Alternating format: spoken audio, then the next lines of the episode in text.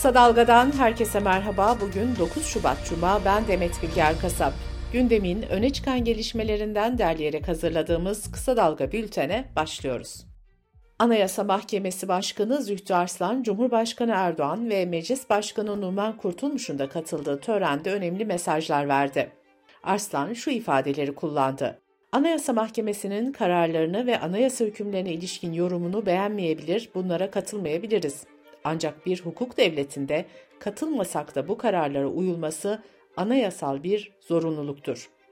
Arslan'ın sözlerine Cumhurbaşkanı Başdanışmanı Mehmet Uçum'dan yanıt geldi. Uçum, yeniden yargılama bağımsız bir kurum değildir dedi. CHP'li Ali Mahir Başarır ise Erdoğan'ın gözünün içine baka baka konuştu diyerek Arslan'ı tebrik etti. İstanbul, Ankara ve İzmir'de kendi adaylarıyla seçime girme kararı alan Yeniden Refah Partisi'nin Genel Başkanı Fatih Erbakan hakkında peş peşe suç duyuruları yapıldı. Ocak Partisi ve Osmanlı Ocakları tarafından yapılan suç duyurularında FETÖ ve Adnan Oktar bağlantısı iddiaları öne sürüldü. Hatay'dan yeniden adaylığı tepkiyle karşılanan ve depremin yıl dönümünde Hatay'da protesto edilen Lütfü Savaş'la ilgili kriz sürüyor. CHP Parti Meclis üyesi Ali Haydar Fırat, yurttaşın tepkisine kayıtsız kalmayacaklarını söyledi.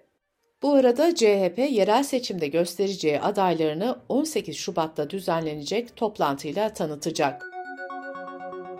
İyi Parti'nin İstanbul'daki 6 ilçe belediye başkan adayı açıklandı. İyi Parti'nin İstanbul Büyükşehir Belediye Başkan adayı Buğra Kavuncu, büyük lansmanı 18 Şubat'ta yapacaklarını söyledi.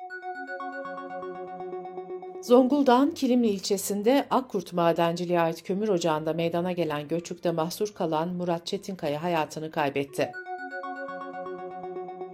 Enerji ve Tabi Kaynaklar Bakanlığı Bartın'da 43 işçinin hayatını kaybettiği maden faciasına ilişkin Türkiye Taş Kömürü Kurumu eski genel müdürü Kazım Eroğlu ve eski genel müdür yardımcısı İsmail Güner hakkında görevi kötüye kullanma suçlamasıyla soruşturma izni verdi.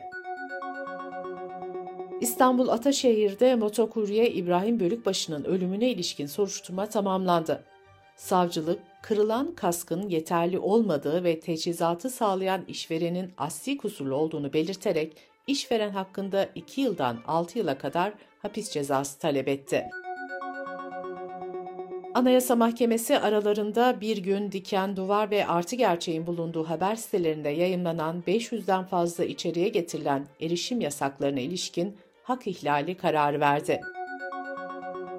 Gazeteci Fatih Altaylı hakkında tevhid bayrağı taşıyan bir kişiye yumruk atılmasından sonra eline sağlık şeklinde paylaşım yaptığı gerekçesiyle soruşturma açılmıştı.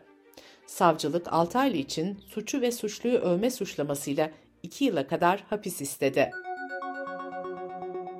İçişleri Bakanı Ali Yerlikaya, IŞİD'e yönelik 33 ilde yapılan operasyonlarda 147 kişinin yakalandığını açıkladı. İzmir'de yüksek kar vaadiyle dolandırıcılıkla suçlanan Sedat Ocakçı ve eşi Seçilay Ocakçı'nın da aralarında bulunduğu 28 kişinin emniyetteki işlemleri sürerken şüpheliler arasında emekli bir Tu generalinde olduğu belirtildi. Ege Denizi'ndeki Yunan adalarına kapıda vize uygulaması başlıyor. Seferihisar, Samos seferleri aynı gün dönüş yapılması durumunda gidiş dönüş 35 euro olacak. Kuşadası'ndan gidiş dönüş ise 41 euro olarak belirlendi. Kısa Dalga Bülten'de sırada ekonomi haberleri var. Merkez Bankası'nın yeni başkanı Fatih Karahan, 2024'ün ilk enflasyon raporunu açıkladı. Merkez Bankası'nın 2024 enflasyon tahmini %36 olarak korundu. Karahan, enflasyonda bir numaralı riskin asgari ücret artışı olduğunu belirtti faiz artışı döngüsünü sonlandırdıklarını belirten Karahan, fakat indirimi konuşmak için erken dedi. Karahan, parasal sıklığı korumakta kararlı olduklarını da vurguladı. Bu arada bir gazetecinin Amerika'dan geldiniz peki Türkiye'de geçinebiliyor musunuz sorusuna karşılık da Karahan bu tarz sorulara yanıt vermeyeceğini söyledi. Merkez Bankası Başkan Yardımcısı Cevdet Akçay ise enflasyon için %36 hedefinin iddialı olduğunu belirterek iddiasız hedef koyan Merkez Bankası bence oksimorondur dedi. Ipsos'un son araştırmasına göre Türkiye son bir haftada en çok geçim derdini ve yerel seçimleri konuştu. Son bir haftadır neler konuşuyoruz sorusuna katılımcıların %70'i geçim zorluğu ve hayat pahalılığı yanıtını verdi. Bu oran deprem illerinde %71 oldu. Ege Sanayicileri ve İş İnsanları Derneği'nin yıllık anketine katılan iş insanları bu yıl için en büyük riski finansmana erişim olarak belirledi. Araştırmaya katılanların yıl sonu enflasyon beklentisi %53.2, dolar kuru beklentisi 41 lira oldu. Avrupa Komisyonu Schengen vizesi fiyatının artmasına ilişkin taslak sundu. Teklifin yasalaşması halinde vize ücretleri yetişkinler için 80 Euro'dan 90 Euro'ya, çocuklar içinse 40 Euro'dan 45 Euro'ya çıkacak. Dış politika ve dünyadan gelişmelerle bültenimize devam ediyoruz. Rusya Devlet Başkanı Putin'in 12 Şubat'ta gerçekleşmesi beklenen Türkiye ziyareti ertelendi. Rus haber ajansının aktardığına göre ziyaretin Nisan sonunda ya da Mayıs başında yapılması bekleniyor. Joe Biden yönetiminin Türkiye F-16 satış planına Cumhuriyetçi Senatör Rand Paul itiraz etti. Senatör, Türkiye F-16 satışını engellemek için ortak bir yasa tasarısı sundu. Tasarıda F-16'lar dahil tüm askeri teçhizat, malzeme ve hizmetlerin satışının yasaklanması istendi. Savunma Bakanlığı ise F-16 sürecinde herhangi bir olumsuzluk beklemediklerini vurguladı. İsrail Başbakanı Netanyahu, Hamas'ın ateşkes ve karşılıklı esir takası önerisini kabul etmedi. Bu arada Netanyahu, Gazze'nin güneyindeki Refah kentine saldırı için orduya emir verdi. Refah'ta Gazze'de yerinden edilmiş Filistinliler yaşıyor. New York merkezli Uluslararası Kurtarma Komitesi ise refahın vurulması durumunda 1,5 milyon kişinin gidecek yerinin kalmayacağını belirtti. Amerika Birleşik Devletleri, Irak'ın başkenti Bağdat'ta bir araca düzenledikleri saldırıda Hizbullah Tugaylarının liderinin öldürüldüğünü duyurdu. Hizbullah Tugayları 28 Ocak'ta Ürdün'de 3 ABD askerinin ölümüne yol açan saldırıyı düzenlemekle suçlanıyordu.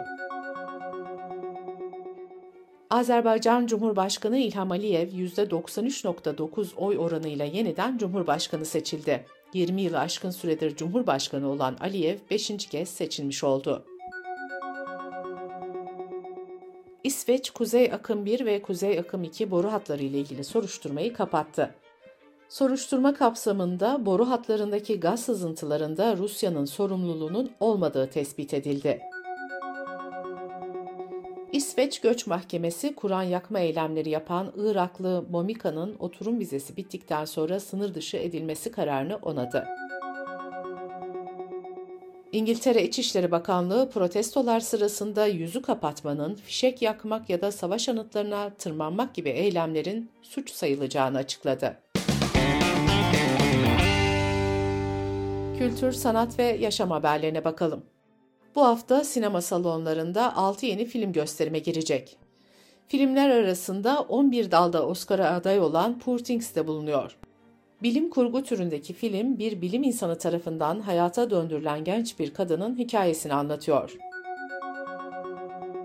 İngiltere'de yapılan bir araştırma Viagra gibi ereksiyon bozukluğu ilaçları kullanan erkeklerde Alzheimer riskinin azaldığını ortaya koydu.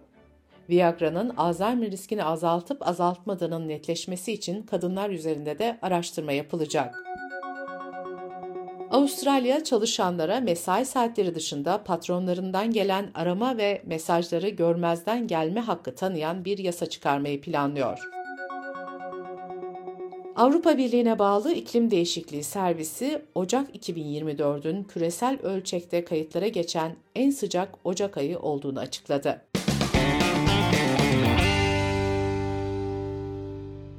Kısa Dalga'dan bir öneriyle bültenimizi bitiriyoruz. Gazeteci Yeşim Özdemir'in hazırlayıp sunduğu Kadınlar ve Kurabiyeler podcast serisinin 10. bölümünü kısa dalga.net adresimizden ve podcast platformlarından dinleyebilirsiniz.